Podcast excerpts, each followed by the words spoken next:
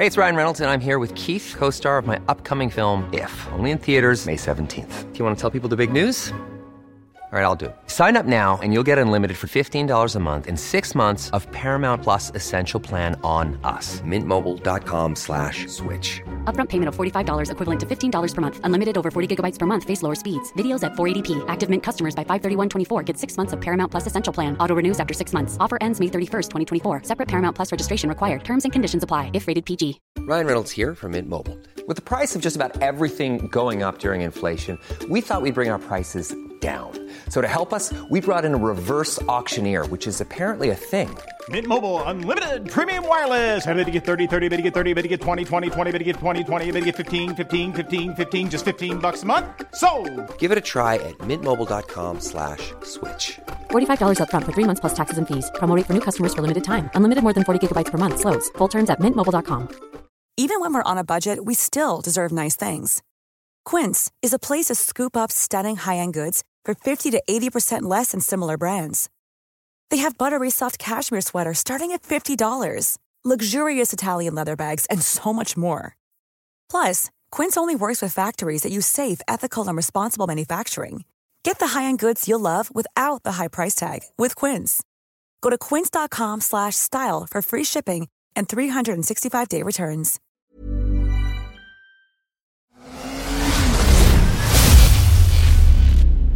MC-podden. Du lyssnar på MC-podden. Jag heter Johan Ahlberg. Och jag heter Mikael Samuelsson.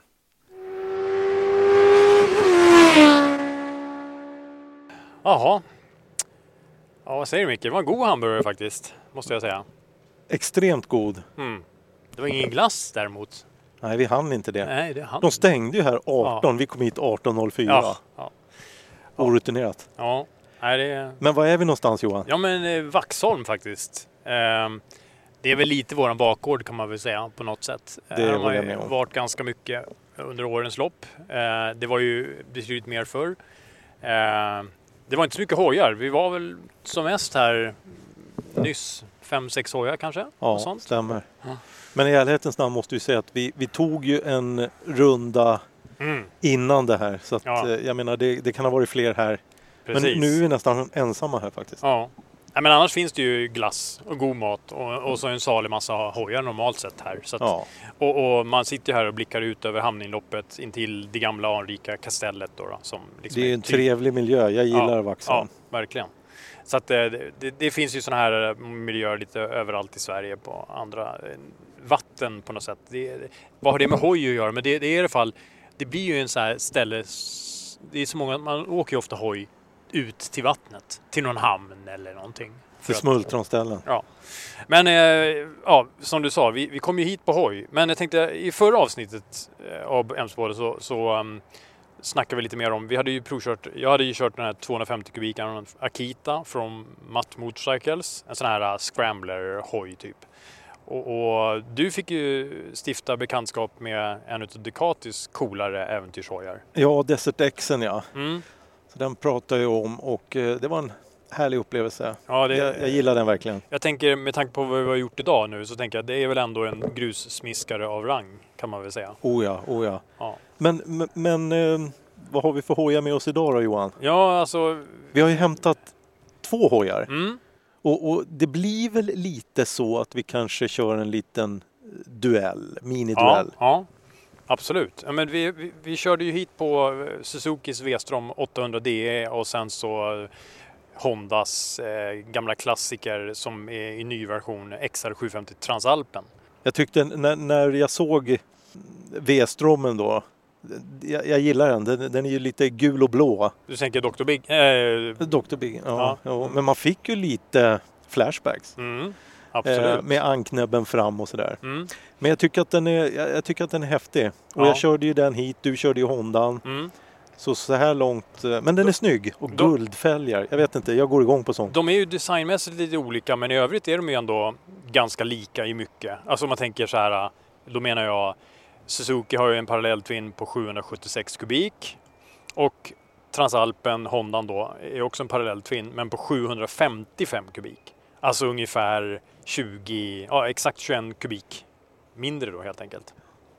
Men, och, men och, och Suzuki den eh, levererar ju 80, 84 drygt hästar. ja, Och eh, Transalpen då 90 hästar. Ja, ja, fast den är 20 kubik mindre. Ja, precis. Men, Men, då, ja. vridet är ju ganska exakt. Det är 78 hos Suzuki och 75 hos Hondan. Liksom, så att det, ja. Sen var Honda lite mer avklädd i ärlighetens namn. Mm, eh, mm. Suzuki hade ju lite ja, motorbågar, extra ljus på motorbågarna, Mm. Ja. eh, ställ för, för väskor bak. Ja. Eh, Honda var lite mer avklädd. Jag men, skulle vilja säga att Suzuki känns lite coolare medan Hondan är lite stilrenare. mm. Så ser jag på det. Jag Den går inte. säkert att kitta till naturligtvis. Ja, ja, ja. Nej, men, och sen är det så roligt för att båda två är ju kittade med, med, med riktiga grovnabbade däck. Men vi kommer ju snacka lite mer om de här hojarna eh, i en kommande podd. Men annars är det ju liksom, eh, ja, som jag sa, de är ganska lika så liksom. Det är 21 eh, tums framhjul och 17 tums bakhjul och, och, och en vikt som är i Suzuki hävdar i alla fall 230 och medan Honda är 208 så där skiljer det sig också ganska mycket. Och, och sitthöjden är ju liksom ganska likt liksom. Ja, Det blir- 855 på Suzuki och 850 på Honda. ja, Men vi återkommer med, Ja. med mera detaljer. Va? ja. Men vi, i, i, vi kan väl säga i podden och på Fastbike.se har vi kört lite annat här nu. Eller inte vi, men Jörgen var ju iväg en liten sväng. Just det, stämmer. Han körde ju Kava. Ja. Han var i Paris. Han var i den hektiska stadstrafiken i Frankrikes huvudstad och vinglade fram. Nej, det gjorde han inte. Han vinglade inte fram kanske. Tror han vingla? Jag vet att han höll på och körde mellan köer, och- eller vad säger man? Fil. Det, det är väl en form av vinglande Det är en kanske. medveten vingling. ja, precis. Nej, men med, med Kawasakis hela, eller hela, nya, jag hoppas att de var hel. nya helelektriska. Inte som han vinglar. Nej, Ja, säkert skrapad både här och där. Ja. Får kolla, jag får ringa Kawa och kolla hur det gick egentligen. Ja, men deras nya helelektriska nakenmodell ZE1. Och ehm, ja, de här så kallade EV-motorcyklarna kommer ju då även finnas i en Ninja familjestil kan vi kalla det. Alltså, alltså sporthoj, kåpa.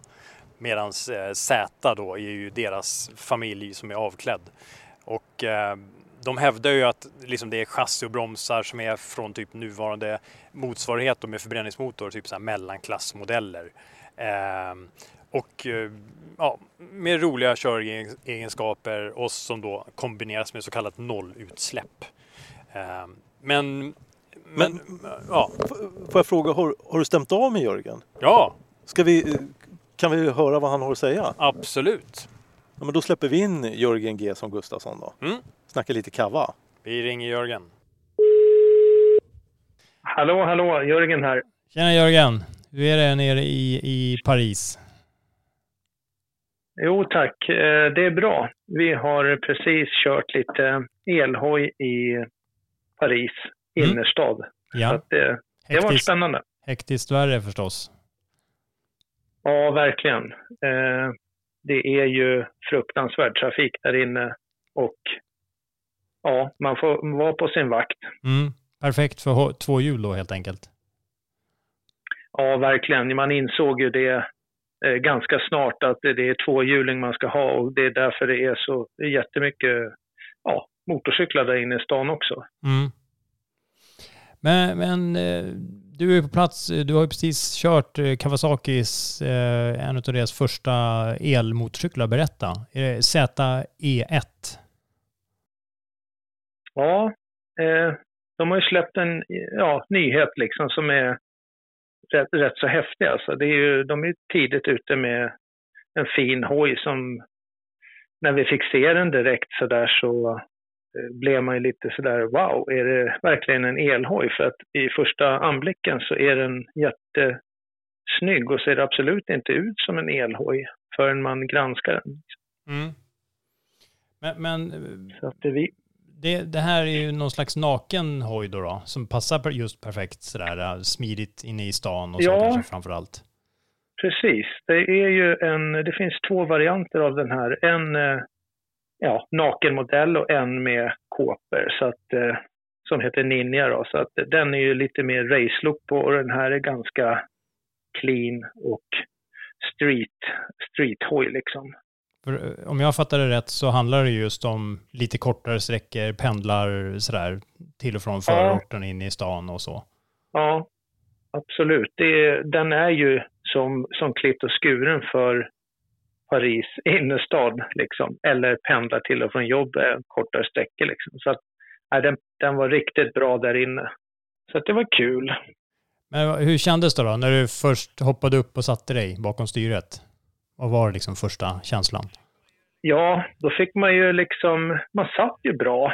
Det, allt var liksom, det kändes som att sitta på en vanlig hoj. Det var inget konstigt alls utan man fick börja titta lite vad det var för funktioner och knappar och det man skulle hålla rätt på och eh, det är lite annorlunda. Så att eh, för mig var det första gången på en el-landsvägshoj. Jag har bara åkt lite el-enduro och sådär.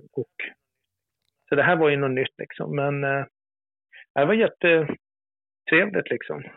Men så du drog ifrån där då, där från parkeringen. Det var bara att vrida på rullen och så var det bara av liksom. Inga växlar, ingenting? Ja, det var ju så här, ingenting. Så det var bara att kolla, okej, okay, den är igång. Kände lite på gasen, det började röra sig framåt. Så fanns det ett ekomod som man åkte typ 30-40 eh, kilometer, typ inne i, väldigt inne i stan kunde man åka på det, ett lite schysstare eh, program liksom. Och sen gick man över till Road, då var den som en vanlig hoj liksom. Och jag körde väl mest på roadläget. Jag tror vi, den går 75 kilometer ungefär på, på det läget. Okej, okay. ja, för jag, jag vet att den, den har ju någon boost-funktion som ger en liten extra knuff eh, i en kort period sådär, som jag har förstått det. Ja, absolut. För man var lite sådär, äh, man måste ju känna sig fram i början där och börja behärska det där och, i trafiken. Och sen så börjar man prova den här boost-knappen där och det var ju häftigt för att den eh, hänger kvar i 15 sekunder. Och då är det ja, full effekt i 15 sekunder och då sticker den iväg väldigt fort alltså och går 99 kilometer i timmen tror jag på den grejen. Så det är verkligen som det låter, en boost-knapp. Så att eh, den eh, gillade man efter ett tag och eh, det blev ju lite så när man trängde sig fram i rödljusen. Det var ju mycket sånt fram där i, och då blev det som en liten start. Man stod ju där bland andra motorcyklar och då var man snabb att trycka på den där boost-knappen mm. och sen var det race. Och jag tror att jag var, jag var ju faktiskt bland de snabbaste hela tiden i starterna iväg mm. från rödljusen ja. bort till nästa liksom på grund av att det bär iväg något ja. kopiöst liksom, Häftigt. i början. Så det är häftigt just med elmotorer. Så, så du fick lite så här äh, gamla VM motocross-känsla där igen? Ja, ja. precis. Ja. vi började snacka om det lite. Det blev lite så här att alla stod där och det blev lite så här, vem tar starten? Och då började horna växa ut lite. Så då var man där och tryck och ja, så det, det var roligt det gick bra. Men åt andra hållet då? Det finns något nå promenadläge också vet jag. Ja, det var ju en liten finess där. Det har man ju aldrig varit med om. Men då var det ett walk mode som det hette. Så kom du fram och skulle parkera hojen på gatan eller något och tryckte in den och då gick den fem kilometer framåt och sen även tre kilometer bakåt i hastighet. Mm. Man ångrar sig och vill, vill, vill hem igen. Liksom. Ja. ja, vill hem igen. Så det var faktiskt jättehäftigt. Så det lärde man sig använda när vi stannade till och skulle upp på, ja, backa in på gatan, liksom upp för en trottoarkant och parkera. Då bara, bara ner med fötterna och sen backar man liksom upp där. Så att det var väldigt, det var, det var bra. Men ovant som ja. sagt var. Men i övrigt så liksom, jag menar bromsar och man håller i ett styre och tutar och ja, kör i övrigt liksom, ja, så är det ja. som var. Du har ju ingen koppling utan du har fotbroms och handbroms. Men sen är det ju bara gasa och njuta av färden. Och det är väldigt sådär njuta av färden. För att jag har ju åkt lite elhojar förut sådär, men då har man hört så mycket elmotorljud. Och eh, att det viner liksom. Men den här hojen var helt tyst liksom. Det var man hörde den liksom inte. Så det, var, det, var, det var jag jätteimponerad av, att den var så tyst. och välbalanserad och liksom, det kändes som man bara rullade liksom. Så att det, ja den var, den var fin. Det finns någon slags finess där också med laddnings... Det är liksom uppdelat på två batterier har jag förstått, istället för ett stort klumpigt som man kan ta med sig liksom till... Ja, det är rätt smidigt. Och, ja, då är det en laddare så lyfter man liksom på hela tanken. Så tanken är som ett förvaringsutrymme, så man bara lyfter upp den kåpan och då är det två ja, attachéväskor kan man säga, som man bara drar upp med handtag och det på. Så man kan ta ur ett och ta in och ladda och sen jobbar de där lite parallellt med varandra. Så att det, det var smart. Det var... Ja, så då kan du ta med dig den in på kontoret då när du ja. sitter där och ja. knackar på tangentbordet? När man sitter där och jobbar lite så jag tror det stod någonting att den laddade upp till 85 procent på 1,6 timmar eller något sånt där.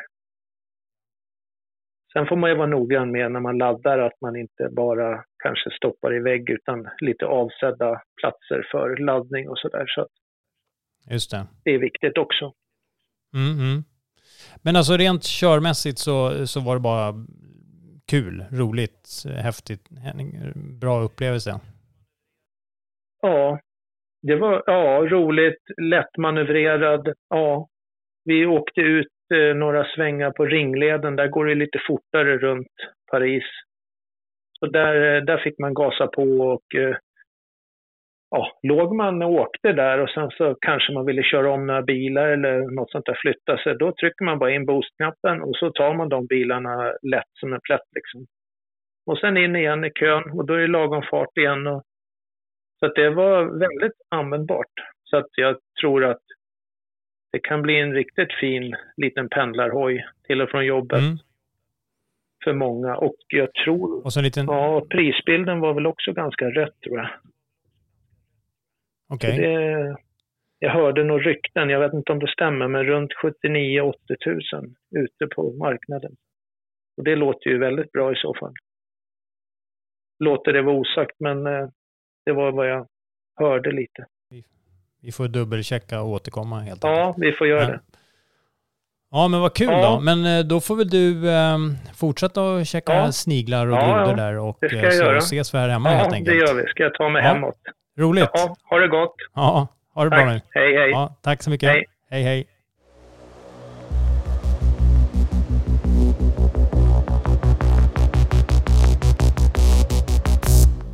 Ja, men som ni hörde så eh, det Jörgen tryckte på var ju att han blev så imponerad över att motorn ehm, det är ju en borstlös motor på den här eh, som det kallas, en 5 kW enhet med en tillfälligt, kan vi kalla det, användbar maxeffekt på effekt på 9 kW. Som man beskrev där, man trycker på en boost-knapp så funkar det, får man en extra kick i typ 15 sekunder. När man typ ska köra om eller köra lite snabbare och sådär. Jaha, 15 sekunder? Ja, ja, så då gäller det att passa på liksom att bara köra om just då. Äh, men, men, och så finns det ju två körlägen, road och eco mode och lite sådana grejer. Ehm, men det som verkligen är coolt med det här är ju den här lösningen som jag, vi har ju pratat om det här lite tidigare. Jag har ju önskat det här verkligen. Att det ska komma motorcyklar med där man inte fokuserar på ett fast, permanent fast batteri utan löstagbara batterier. Och i det här fallet så har de ju delat upp det i två. Typ som attachéväskor som man säger, så kassettmodell. Man tar tag i ett handtag och så drar man ut ett av två batterier och Jaha. laddar det. Liksom. Man tar med sig det på kontoret eller in i lägenheten eller huset och så laddar man det. Ungefär som du laddar en mobiltelefon. Ja, men vänta nu, det är två batterier. Två batterier. Så då kan du ta med det ena och ladda. 11 kilo väger det ett batteri. Ja, och så räcker det att köra med och så, då kan du varva med de där. Båda är inte aktiva? Jo, igen. båda är aktiva. Aha, okay. Men det är bara att istället för att du ska ha en stor klump som väger 20 plus så har du två som väger 11 kilo istället. Ja, men det var ju smart. Ja, det är betydligt enklare att hantera så att säga. Om du frågar mig i alla fall.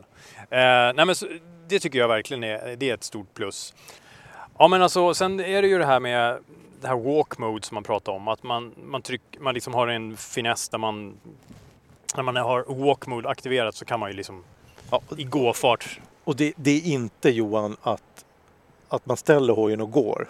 Nej. det, det är inte det. Utan det är inte som att gå ut och gå med hunden. Nej, nej. det verkar konstigt. Ja. Men eh, ja, ja okej, okay, jag fattar. Walk mode ja. gör att man kan manövrera den här då mm. framåt och bakåt. Ja. Och det kan ju hjälpa till i, i sluttningar. Man vet ju själv när man ska backa upp någonting om du har Mm. Som- kört för långt. Som du gjorde idag med Transalpen. Ja, då kom du och räddade mig och, Mm. och drog där. Ja, Jag märkte det. Mm. Eller trånga parkeringsplatser Ja, kanske. ja, Ja. Mm, häftigt. Nej, men det- det jag, jag tycker också är coolt det är den här designbiten. Att man, liksom, man känner igen. De- fortsätter liksom. Det är Ninja-modellen och Z-modellen, alltså nakenmodellen Z då. Att det liksom, alltså, du ser inte... Du, det coola är, den här modellen, om du frågar mig vid första anblick, du tänker inte på, du ser inte att det är en elmotorcykel. Det ser nästan ut som att det är en V-twin eller någonting. Där liksom batteripacket är under liksom tanken. Så, så det, jag tycker det är lite kul. Och, eh, och sen liksom TFT-skärmen med instrumenteringen där. Alltså, alltså, den har allt det här smartphone-anslutning och eh, Alltså det ser ut som en, man tänker sig att en instrumentering historiskt, eller på senare år i alla fall, har sett ut på en motorcykel. Så det är liksom inte som att det blir Eh, ja, så himla mycket annorlunda på det sättet. Utan det, körmässigt har jag förstått på Jörgen också så är det, det är som att köra motorcykel. Det är bara att upplevelsen, och det är det här vi, eh, mera beskrivningen av hur jämför man en elmotorcykel mot det vi alltid har kört i alla år, du och jag, förbränningsmotorer.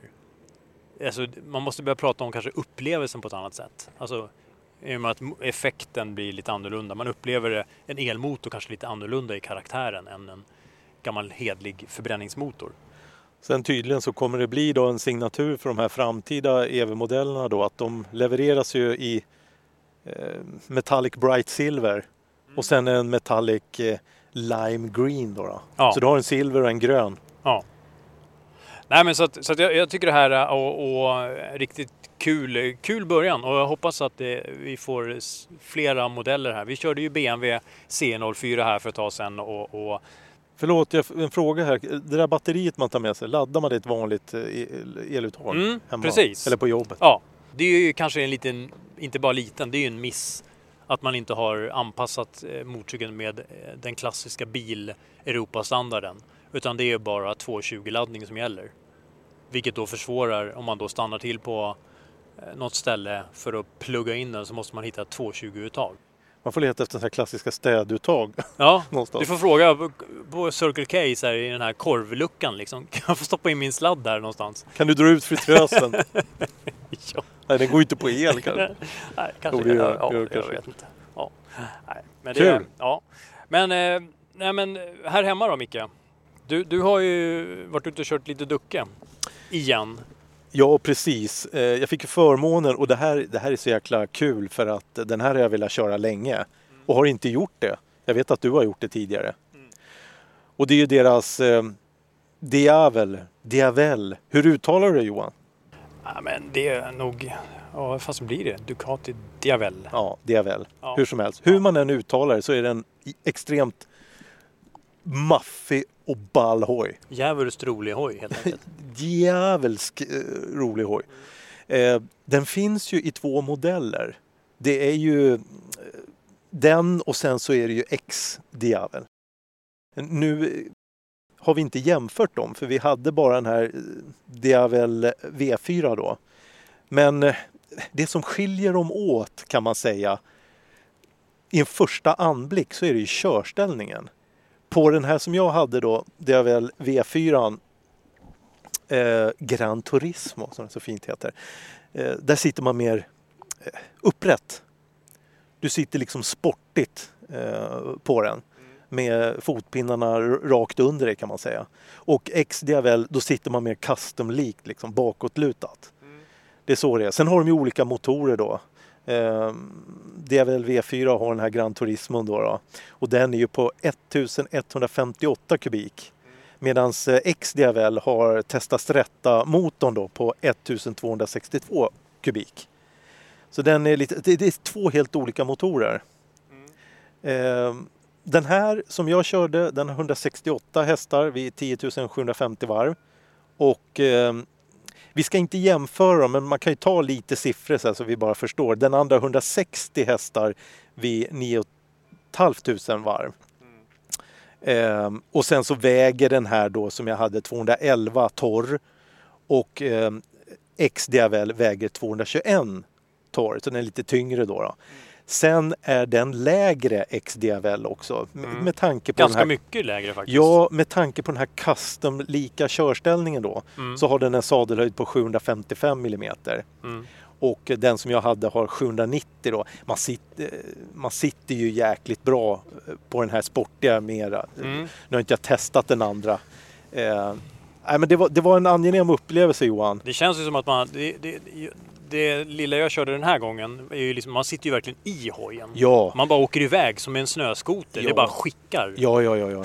Och, och verkligen så här 168 kusar i en sån där. Det, det är ju liksom som en muskelcruiser, eller vad, vad ska man säga Mm. liksom? Ja, ju... Och, och, och ändå så här sportiga egenskaper. Det Ja. är helt sjukt. Ja. Eh, Nej, den svänger ju bra liksom. Det Ja, gör ja, ja, ja. definitivt. Att, eh, de har ändrat om lite eh, så att de har liksom eh, dragit tillbaka styret lite så man hamnar mera som du sa mitt i hojen. Mm. De har gjort lite eh, designgrejer på, på den sådär rent eh, utseendemässigt. mm, Men jäkligt snygga fälgar. mm. Eh, eh, riktigt så här. Jag vet inte hur jag ska förklara men, men de, de, de är typ femmekrare med stora så här urfrästa.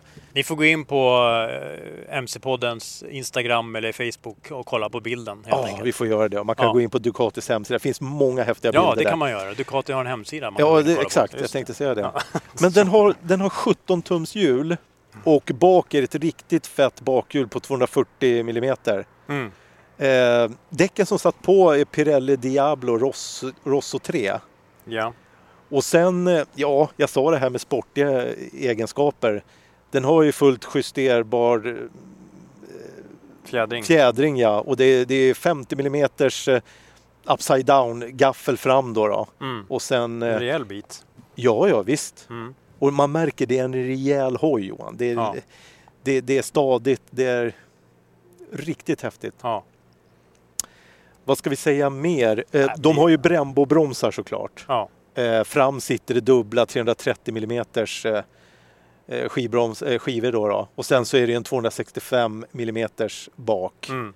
Och radiella monoblock. Precis. bromsok. Och, och bromsarna räcker ju eh, till, alltså det, det är ju... Ja, ja. Du, ja. Den Nej. drar ju iväg i, i, i fart den här rackaren. Den är ju pigg. Och sen designmässigt så gillar jag ju den för att eh, den har ju det här eh, ett karaktäristiskt bakljus Johan. Hur Oh, sjutton, hur Ja. sjutton vi nu ska beskriva det. Men Nej, men det det sitter, bakljuset sitter i innerskärmen kan man säga under sadeln. Mm, Den mm. följer liksom innerskärmen Mm. i ett matrixmönster på något sätt. Det liksom är ju perforerat som ett slags mönstrat nät. Ja. Ashäftigt. Nej, måste bakljus. ses helt enkelt. Måste ses. Ja, och där har vi ju, i och med att vi, vi tog faktiskt lite bilder eh, i lite skymning kan vi säga. Där det verkligen framträder på ett riktigt coolt vis. Eh, så att, eh, och, och som du säger, men jag, jag tycker verkligen det när jag körde eh, jag kommer ihåg första gången jag körde den också. Det är ju det här att det känns verkligen som en, ja men jag tänker snöskoter. Alltså den verkligen, man är verkligen så här eh, som en släde ungefär. Man bara iväg. Alltså det, det känns som att man skickar iväg. Eh, och, och liksom, men sen blir man så förvånad över att, aha den svänger också. Ja, att- ja, ja. ja. Att, Helt så fantastiskt. så att, nej. Designmässigt mer som jag gillar, den har ju en enkel sving bak. Mm. Så den här fälgen, den, den verkligen blir som en display där bak. Man ser det här stora eh, Jag tänker, jag tänker, du pratar om fälgen. Jag, jag tänker lite propeller på en båt. Alltså lite så här, den är lite, mm, ja, de här eh, ekrarna så att säga. Hur många det nu är. Fem. Åt- fem är det. Ja. Mm. Så att, eh, Och sen Johan, eh, avgassystemet. Det är fyra slutrör som kommer liksom lite snyggt så det blir som en bukett. Bara med, med, med fyra slutrör bak i, i ett fett paket. Och sen så är det så häftigt för att den har blodröda belysta reglage. Eller nu, nu, nu, nu vill jag verkligen måla upp en bild av att det här är en, en, en grym djävulsk, djävulskt grym hoj. mm, Men det är den ju också. Men belysta reglage i rött där. ja. Riktigt häftigt. Eh, om man vill skjutsa på den där, för den har faktiskt en kuts, så märkte jag, jag, jag tog bort det där med nyckeln. Ja, så det inte blir som idag när vi körde en hoj när jag fick sitta uppe på en Nej, kuts. nej det var ju jobbigt. Johan. Ja, men det pratar vi om i en annan Ska vi ta det en annan gång? Ja. Mm, nej, det var ju en resa i sig. Men då, då lossar man bara med insekts... Eh, vad heter det, skruv och sen så tar du bort den här kutsen och sen är det så jäkla häftigt Johan. Det såg du väl? Man fäller ner fot, Ja, passagerarfotpinnarna. Just det. De kommer liksom, de är infällda under sadeln. Mm, mm. Eh, inte under sadeln, men under på sidan. Så du Under fäller ner liksom dem bara. Bakrams... Riktigt eh, häftig designen design. Ja. Ja. Ja. Men sen har den ju alla moderna grejer Johan. Den har ju flera stycken eh, körlägen. Mm. Den har sport och då är det ju full effekt. Alla hästar lösa, Alla hästar hemma. alla hästar hemma. Mm. Sen har du touring eh, och då är det lite, fortfarande full effekt men lite mer mjukt så här för touringanpassat. Mm. Sen har du urban eh, och då är det reducerat till 115 hästar. F- liksom, Men, men det är väl också det här just som i touring att den är som du säger lite snällare men också lite mera så här, antispinn och alla sådana grejer. Lite- Alltså det är lite mer fokus på säkerhet. Alltså jag tänker Exakt, de kliver in lite exakt. tidigare sådär. Liksom. Precis. Att liksom, ja. Och så naturligtvis så finns ju wet då, det är regn, eh, sånt väder. Mm. Så, så du har liksom allting och sen en eh, TFT-skärm då, 5 tums. Till skillnad från Desertexen som stod upp så ligger den här ner då. Mm. Men där har du ju allting och du kan ju koppla in Bluetooth och eh, det som vi har sagt, Ducati Link app och alltihopa då. Ja just det, Navigation. turn by turn navigation och bla bla bla. Precis. Ja. Och sen har den ju kurv ABS, den har traction control, wheelie control, power launch och quick shift och så farthållare. Mm. Så jag menar den har ju allt Mm. Som eh, du behöver. Nej, riktigt, riktigt cool eh, modell som, ja, men det känns liksom lite annorlunda. Det är lite kul, den sticker verkligen ut och det är ju en liten, det, det är lite som att Ducati har, eh, eh, vad ska man säga, det är lite en showbike för vad de kan göra. Mm. Om Och sen är det så här, du, du, du placerar inte den här i ett fack bara. Vad, luktar det bensin? Mm, Mm, jag känner det. väldigt mycket bensin. Alltså, har du parfym på dig? Eh, ja, Jaha, bensin? det är- Ja, nej men det är okej. 95 oktanig. ja, jag bara undrar var kommer det där ifrån? ja, det är någon av hojarna står och läcker. Din ligger ner och läcker ut. Nej, jag vet inte vad det är. Ja. Nej, och du kan inte placera den där i något fack eh, helt enkelt, diavellen. Den, den, står för sig själv. Ja, Jag Mm. gillar den där verkligen. Ja. Ja, Mer då Johan? Kul! Nej, men, eh, när du var, höll på och härjade runt så var jag, jag ju lite mer städad då, då och eh, drog runt med, med eh, Hondas eh, omåttligt populära, måste jag ändå säga, eh, MT 1100. Och den, den modellen då, den kom ju eh, förra året, 2022 då. Eh, och eh, ja, men alltså, det- blev liksom lite så här, det, jag ska inte säga att den ser inte så sport-touring-aktig ut, men den är lite sport-touring. Och eh, den har ju ram och motor från Africa Twin, från CRF 1100L Africa Twin. Eh, men här då har man liksom twistat till det lite ehm, eh, och liksom anpassat den till det här ändamålet, att köra touring på landsväg istället för eh, också att kunna köra på grus och så. Så man har ju liksom, det är ju självklart lite annan fjädring och sånt. Eh, men här, den här modellen då, den blev så ja, väldigt snabbt en mycket populär hoj och eh, det är idag har det redan blivit Europas mest sålda touringmotorcykel. Och ehm, förutom att du, du sitter ju ganska lågt i den, ungefär som i Diavellen, 820 mm sitthöjd eh, och en ganska skarp liksom, styrgeometri som kombineras med en ganska fast, eh, skulle jag vilja säga, fjädring som gör att det blir ett ganska sportigt paket ändå. Alltså, jag har väl sällan liksom, när jag kört kanske Guldving och sådär, som jag alltid blir förvånad över hur lättkörd den ändå är med tanke på hur stor den är. Så känns den här mycket, mycket mera... Det, Honda hade ju en Deauville förut som var liksom lite mera... Eh, det här är väl mer åt Pan-European eller någonting åt det hållet, fast ändå lite smidigare skulle jag vilja säga. Ehm, Men det, det som är lite jobbigt här nu det är att jag, den där hann ju inte jag provköra. Nej, Men du kom ju hem till mig med den där. ja. Och, eh, Suktade lite. Ja, så, så jag tänkte så här, vad ska du resa? Det ser ut som du ska vara borta i, Ja. i flera månader. Nej men den har ju liksom, den är ju färdig från början med, med sidoväskor och, och, och sådär med snygga tyginnerväskor som man smidigt i. Det, fördel, det finns massa fördelar med det där. Det är att du kan ju packa eh, det du vill inne. Eh, och du vet att det som ryms i de här tygväskorna ryms i, väsk, i packväskorna på Ja, det är hojen. perfekt. Så man liksom inte kommer ut dit med ICA-kassar och inser att, ja, av papper såklart, som går sönder. Jag tänkte Ja. ICA-kassa. det. Eh, nej men så att, så att i och med att den här bygger då på liksom eh, Africa Nej, Twin. Vi gjorde reklam nu. Det finns ja, andra förlåt. Ja, handlare. Willys eh, eller eh, Lidl. Matöppet eller Lidls påsar. Förlåt. Handlarn. Ja, Handlarn. Eh, Coop. Vivo. Vivo. Vivo? Pressbyrån. Ja, nej, men vi klipper där. Så, men den, den, liksom, den bygger ju på som sagt Africa Twins liksom stålram, aluminiumbakram. Eh, men där man då som sagt har bytt ut offroad-fjädringen mot landsvägskomponenter. Och ett chassi som är lite mera kvickstyrt kan man väl kalla det. Ehm, en Showa eh, 43 mm inte någon 50 mm biff här som på din maskin. Men en 43 mm Showa-gaffel med 150 mm fjädringsväg och justerbar fjäderförspänning. Och även i bak har man ju då eh, justerbar fjär, fjäderförspänning men då med ett eh, lättåtkomligt vred som gör det väl, att man verkligen använder den finessen. Ah, okej. Så vet när man ska... så, så det är ingen elektronik som Nej, lite det är fortfarande, precis, det är fortfarande väldigt basic. Och det gäller även kåpglaset. Där du liksom tyvärr, skulle vilja säga, så måste du parkera hojen, gå av och justera höjden på kåpglaset. Det går inte att göra när man kör. Det går inte att göra när du kör, om du inte är någon akrobat. Möjligtvis att passageraren kan hänga över dig. ja, finns det cruise control? Ja, något sånt. bara Jag vet klättra inte. fram. Nej, men det finns inget vred jag eller någon sån där, eller någon elfiness eller något. Utan det är liksom, ja. Men, men apropå det Johan, jag måste få säga en sak. Jag tittar ju på hojen, jag gick ju fram till och, och Mm.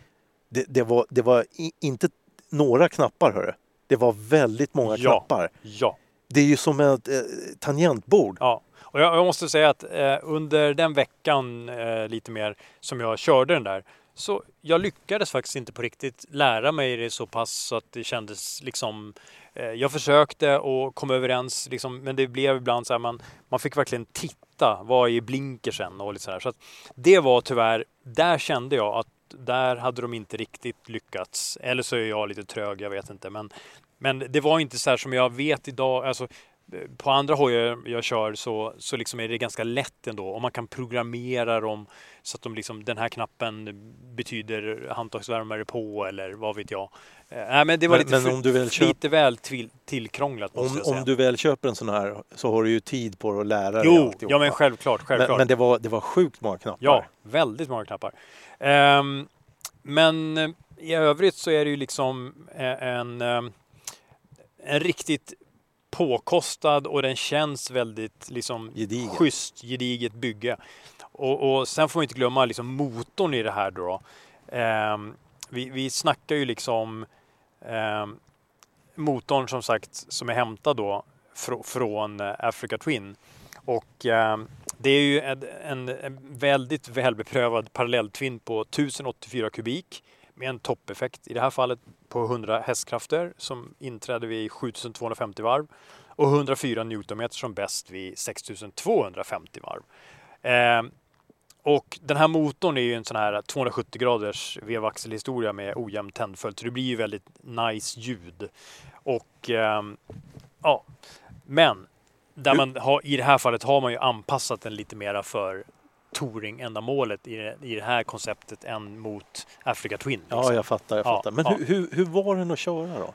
Ja men alltså, det var det jag ville egentligen komma. Det är att, att i det här då så är det så att det, det sitter nämligen en så kallad eh, DCT-låda på den här. Alltså automatisk växellåda. Eh, och du, finns, du har ingen växelväljare? det finns ingen växelspak i vänsterfoten Nej, det känns som man har tappat den. Ja, det känns som du har tappat den. Och det sitter istället finns det plus och minus kan vi kalla det uppe vid styret. Eh, så att du kan när du vill använda manuellt läge och du kan köra automatiskt. Och du kan liksom, även fast du har automatiskt läge inkopplat eller påkopplat så kan du växla overridar det så att säga. Som till exempel ehm, när, när, om jag till exempel som när vi körde hit nu, man kör den så kallade Bogesundsvägen, alltså en väldigt kuperad, kurvig väg. Om du då vill köra väldigt sportigt och kanske växla ner i sista stund inför en kurva istället för att behöva bromsa hela tiden. Så, så det vet ju inte växellådan. Om du förstår, motorcykeln vet ju inte det. Så, så då när du eh, kastar in i en kurva, normalt sett så kanske du puttar ner två hack. Ja. Eh, och, och för att liksom få lite motorbroms. Eh, men där när du, när du liksom eh, bromsar eller tippar av gasen så dröjer det ju en stund innan den växlar ner. Så det blir alltid en fördröjning på det. Så då får man, då får man hålla på med fingrarna liksom uppe på styret istället och putta i en lägre växel eller två. Så att och, men det är bara en liten snabb tillvänjning och det, det, det, liksom, ja, det går ganska snabbt att komma in i det läget i huvudet så att säga och jobba så. Eh, Men, men alltså den har ju i automatläget så har, sitter det ju massa finesser som gör att det är ju massa förinställda växlingsmönster då. Som hela tiden då, eh, den håller på att övervaka då hastighet, växel som är vald och så varvtal. Och så, så beräknat efter det då så bestämmer den när den ska växla. Och, och, eh, men, men, eh, och det finns två lägen, ett som heter D och ett som heter S. Alltså S som är sportigare körning, där helt enkelt växellådan liksom går eh, oh, lite, alltså liksom om vi säger så här, för att vara lite tydlig så, D-läget, det är väldigt, alltså den skickar ju iväg typ, redan i låg fart så är man på tredje växeln. Alltså trehandsväxel. Vilket gjorde att jag körde på S-läge nästan hela tiden för det var mycket mer aktiv och mycket mer sportig. Okej. Det var som att den liksom, redan när du körde upp i 30 km timmen så låg den redan på trean och fyrans växel. Tre, treans fjärde växeln, vad fan säger man? Ja, Ehm, Ja, vi fattar. Ja, nej men så att, så att det, det ska vara någon slags komfort, eh, liksom touringläger då kanske eller något. Jag vet faktiskt inte riktigt, men det, det kändes lite mer som att jag, jag vill i alla fall ha S-läget då, då. Men i alla fall, det är ju en jättetrevlig, du sitter jättebra, jag är 1,83 lång, sitter liksom lite grann som i DVL, man sitter i hojen. Det känns väldigt naturligt, lite grann så man sitter ganska upprätt. Ehm, man har bra kontroll på hojen, väl, liksom, som jag säger, bromsar som är effektiva och samtidigt väldigt lätta att dosera utan att det liksom blir någon överraskning på något sätt. Och det i kombination med då den här växellådan som är helt automatisk. Jag kan säga så här, du är ju väldigt snabb iväg från rö- rödljusen när de slår om till grönt. Det är ju bara att skicka på gasen. Så att du, du- det blir ju inga så kallade eh, ja, stopp eh, när man klantar Nej, jag, sig. jag fattar, jag fattar. Så att det, det, det Nej, men en väldigt trevlig, eh, komfortabel motorcykel som lämpar sig mycket väl som långfärdsmaskin eh, och även som praktisk pendlarmaskin. Så om man bara passar sig som att det eh, dunkar i sidoväskorna när man kör om. Nej, det får man se upp med. Men man vänjer sig vid det, Då tror jag. det bli lite Ja. jobbigt. Men, och det roliga som en liten avslutning på det här är ju att just nu i dagarna eh, så presenterade Honda en uppdaterad version av NT 1100. Med, eh, den fick bland annat en vindruta med femvägs höjd och vinkeljustering. Eh, framgår dock inte, jag kunde inte se på bilderna om det sitter ett vred eller någonting annat. Men, eh, och sen lite mera sådana här vindavvisare eh, som ska liksom ge ännu bättre aerodynamik och väderskydd så att säga. Då. Eh, farthållare i standard, liksom de här sidoväskorna, eluppvärmda handtag och sen pratar vi fortfarande så här eh, förinställda körlägen plus sådana här user där man själv kan skräddarsy alternativen, eh, wheelie control eh, och hela den, allt det. Och sen en 6,5 tums eh, TFT-pekskärm. Ehm, Ja, det, är bra, det är bra att det finns wheelie control på den där. För när man är så här snabbt eh, vid, Ja. iväg vid, vid rödljusen Ja, så finns det risk för att precis. man överstegrar. Ja, några tungt packade eh, sidoväskor och passagerare.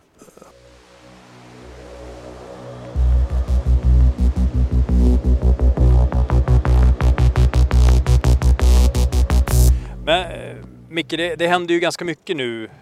Mer och mer skulle man väl kunna säga hela tiden allt eftersom eh, liksom hösten ja, Tränger sig på. tränger sig på så att säga. Ja. Ja. Eh, bland annat så, jag tycker det är en riktigt tråkig eh, nyhet måste jag säga, men jag måste ändå dela med mig av den. Och det är ju helt enkelt att anrika endurotävlingen, världens största endurotävling, Gotland Grand National, tvingas flytta från Tofta skjutfält där alltid har kört. Det har körts där i 40 år nu. Men du, är det inte 40-årsjubileum? Det är 40-årsjubileum. Och- och vadå, de ska flytta? Ja, varför det? så att, eh, jag har ju kört där eh, en, ett gäng gånger och eh, nu ska jag dit och, och vara med och fira 40-årsjubileet. Men eh, på grund av eh, omvärldsläget som det kallas eh, så, eh, och att Försvarsmakten då eh, har en växande verksamhet så har man helt enkelt eh, sagt nej till eh, fortsättning följer för GGN så att, och, och sagt att man måste helt enkelt hitta ny mark. Och då är Eh. frågan Johan om de kan hitta det på Gotland. Ja, det känns lite ehm, Jag vet inte. Det är bara Nej, en känsla. det, får. och det, det tråkiga här är ju liksom att, att Gotland GGN då, då eh, startades ju 1984 av just, liksom, det var ju en eh, slags militär anknytning. Det var ju FMCK och tillsammans med GMF Bysarna då eh, med hjälp av just ett antal officerare vid det dåtidens då gotländska regementet. Då, då. Och, ehm, så att men, men eh, det är ju liksom så här, det är ju mer komplicerat än så här. Det är inte bara som att det är en person som tycker så här, jag, jag gillar inte enduro eller någonting, utan det här är ju större än, Ja, ja. än enduro. Det här, tyvärr är det så. Det är ju Fortifikationsverket som varje år liksom upplåter den här marken eh, och, och det gör de ju först efter att eh, så att säga hyresgästen då, det låter lite konstigt här nu, men det, Försvarsmakten då har lämnat sitt medgivande.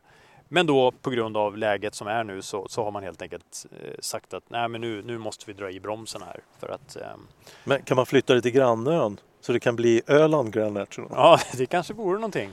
Vem vet? Nej, men så så nu, nu vet jag, nu, nu söker de ju liksom arrangören då, Nordic Sport Event söker ju med ljus och lykta efter ett alternativ. Och jag förstår ju att de självklart vill behålla tävlingen på Gotland. Eh, det blir lite konstigt med Gotland Grand, Grand National uppe i Luleå liksom eller någonting sånt där. Ja, det blir helt fel. Ja, så att det, det kanske finns det något annat ställe som heter Gotland kanske någonstans. En liten ort kanske. ja, någonstans. precis. Ja. Ja, Men, vad tråkigt. ja, vi, vi, men- vi håller tummarna för att det löser sig. Men vi har ju lite andra roligare nyheter Micke. Mm. Menar du MC-mässan? Ja, Ja, det blir sjukt kul. ja. ja, det är ju ett tag kvar men det är ju några månader och det är ju lite... Tiden går fort Johan, vi är snart Ja, där. jag tänker ibland så här, ibland är det ju roligt att det inte är imorgon. Alltså, för då hade jag missat den för då hade jag inte kunnat gå på mässan. Men, Nej. men, nej, men att det är ett tag kvar, det får man liksom tänka dit och planera och drömma sig bort lite. Men vad pratar vi? Vi pratar slutet av januari, 26 till 28 januari. Mm. På Stockholmsmässan då. Ja, Älvsjö. Då är det ju eh, härligt med motorcykelmässan igen. Mm. Vi, ska, ska vi lova något? Eller vi kommer vara där. Vi kommer vara där och eh, tillsammans med alla däcksparkare och eh, kolla in de nyaste motorcykelnyheterna.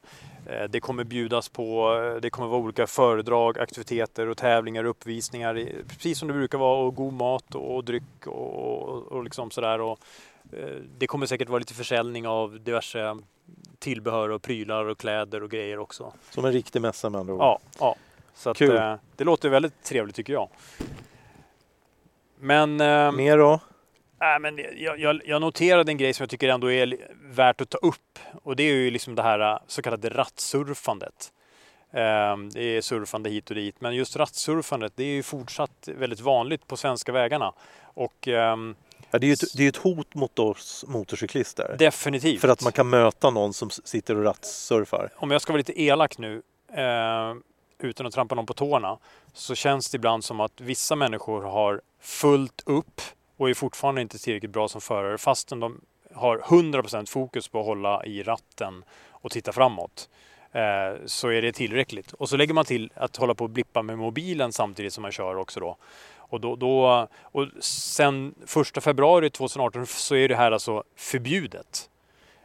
Du får inte hålla den i handen. Nej. Nej. Och eh, bara under förra året, 2022, så bötfälldes över 15 000 personer för rattsurf. Och sen det här förbudet trädde i kraft så har ju över 50 000 personer lagförts för det här. Och, men det jag tycker är lite intressant det var att när, när ehm, Riksförbundet M, alltså det som man förr sa motorförbund, Motormännen sa man väl, men Riksförbundet M eh, var ute på en liten undersökning eh, där de liksom ja, de, de nöjde sig inte med några stycken utan de observerade 18 000 fordon på 15 orter då totalt i landet. Så framkom det då att eh, ungefär var tjugonde trafikant, alltså ungefär 5 procent, rattsurfade. Ja, det är sjukt. Ja. Att, Men, men eh, du Johan, en annan fråga. Mm. Hur är det med styrsurf? Ja, men alltså det förekommer. Det är helt sjukt. Ja. Tror, tror du någon har åkt dit för att eh, surfa på Jag mobilen har, på jag, har, eh, jag har sett sådana siffror, ja. Har du det? Ja, Folk har bötfällts för det? ja. Styrsurf. Lägg av och styrsurfa nu Ja. och håll eh, blicken framåt Ja, på andra rattsurfare. ja. Är det vårt medskick? Det är vårt medskick. Var rädda om er där ute på vägarna. Precis.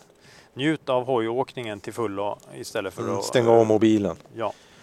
Ehm, men jag tänker också eh, när det gäller motorcykelnyheter. Motorcykelnyheter, då tänker jag ju motorcyklar. Inte bara mm, ja, andra grejer som har med runt omkring grejer utan själva motorcykeln i sig. Och nu har ju Ducati deras eh, andra modell att presenteras i liksom eh, bland 24 2024-nyheterna är ju nya Multistrada V4S Grand Tour som eh, ja, Multistrada är ju redan en äventyrsmaskin för långresor.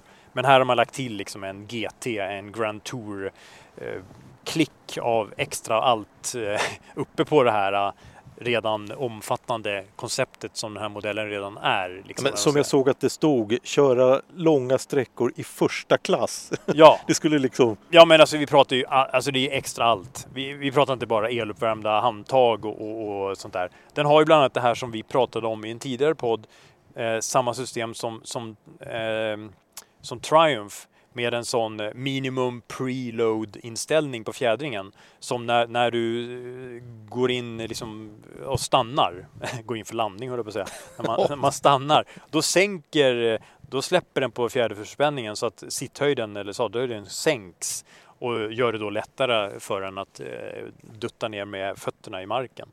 Ehm, och det här motsvaras då av Easy liftfunktionen som öppnar upp fjädringshydrauliken vid, eh, vid tändningsaktivering eh, som också då sänker motorcykeln.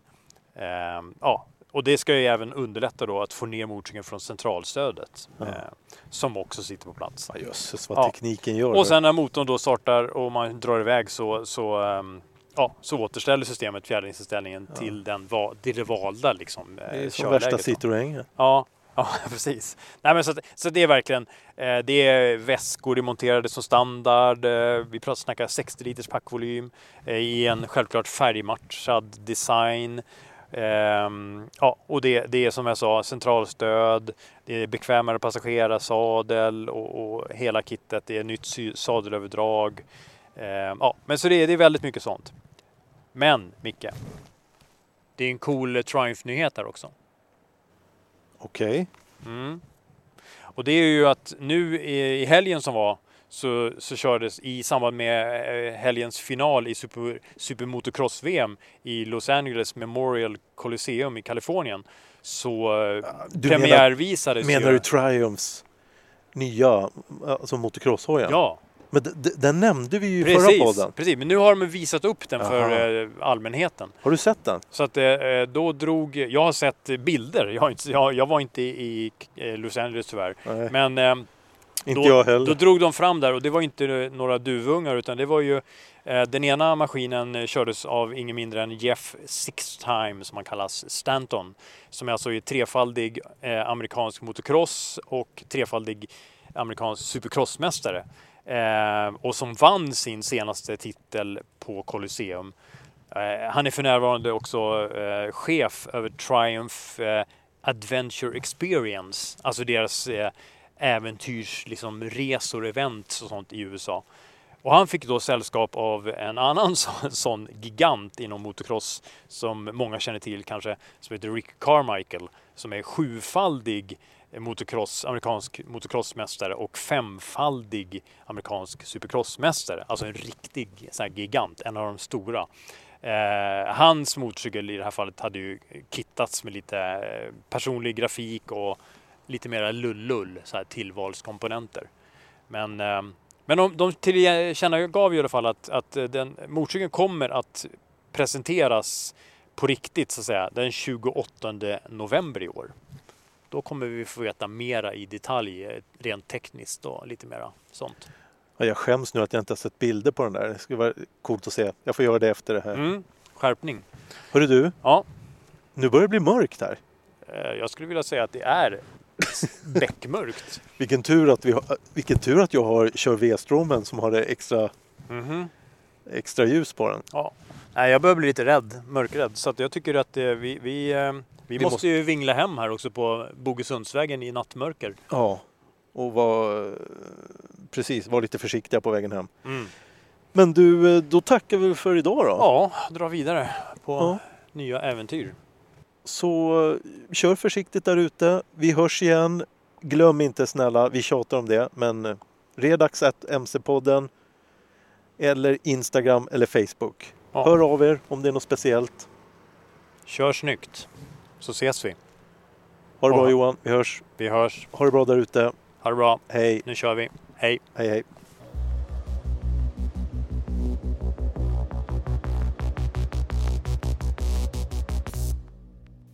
Du har lyssnat på MC-podden. Jag heter Johan Ahlberg. Och jag heter Mikael Samuelsson.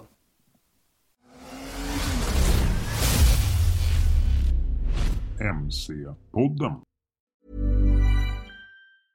Even when we're on a budget, we still deserve nice things. Quince is a place to scoop up stunning high-end goods for 50 to 80% less than similar brands. They have buttery soft cashmere sweaters starting at $50, luxurious Italian leather bags, and so much more. Plus, Quince only works with factories that use safe, ethical, and responsible manufacturing. Get the high-end goods you'll love without the high price tag with Quince. Go to quince.com slash style for free shipping and 365-day returns. Imagine the softest sheets you've ever felt. Now imagine them getting even softer over time. That's what you'll feel with Bowl and Branch's organic cotton sheets. In a recent customer survey, 96% replied that Bowl and Branch sheets get softer with every wash. Start getting your best night's sleep in these sheets that get softer and softer for years to come. Try their sheets with a 30-night guarantee. Plus, get 15% off your first order at bowlandbranch.com. Code BUTTERY. Exclusions apply. See site for details. Mom deserves the best, and there's no better place to shop for Mother's Day than Whole Foods Market. They're your destination for unbeatable savings, from premium gifts to show-stopping flowers and irresistible desserts. Start by saving 33% with Prime on all body care and candles. Then get a 15-stem bunch of tulips for just $9.99 each with Prime. Round out Mom's menu with festive rosé, irresistible berry chantilly cake, and more special treats. Come celebrate Mother's Day at Whole Foods Market.